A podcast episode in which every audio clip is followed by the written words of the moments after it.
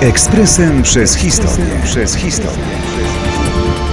19 lutego 1846 roku rozpoczęła się rabacja galicyjska.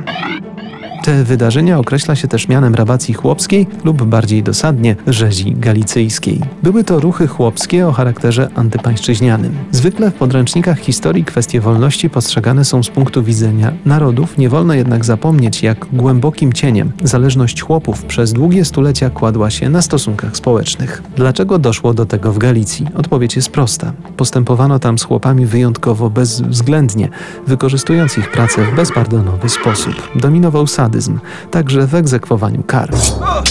Postanowiono więc walczyć o zniesienie poddaństwa, ale była to walka trudna, bo dotykała niezdrowego fundamentu społecznych stosunków. Na czele rewolty stanął niejaki Jakub Szela, którego nazwisko miało stać się postrachem szlachty. Szela zaznał na własnej skórze najgorszych prześladowań ze strony panów. Sytuację postanowili wykorzystać Austriacy, by przeciągnąć chłopstwo na stronę zaborcy. Celowo rozpuszczali plotki mające zmusić chłopów do jeszcze ostrzejszych wystąpień.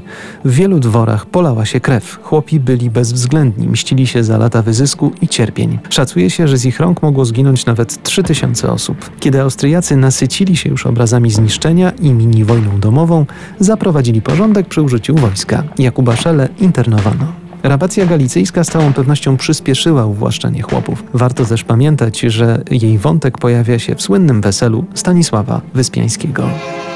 Ekspresem przez historię. Przez historię.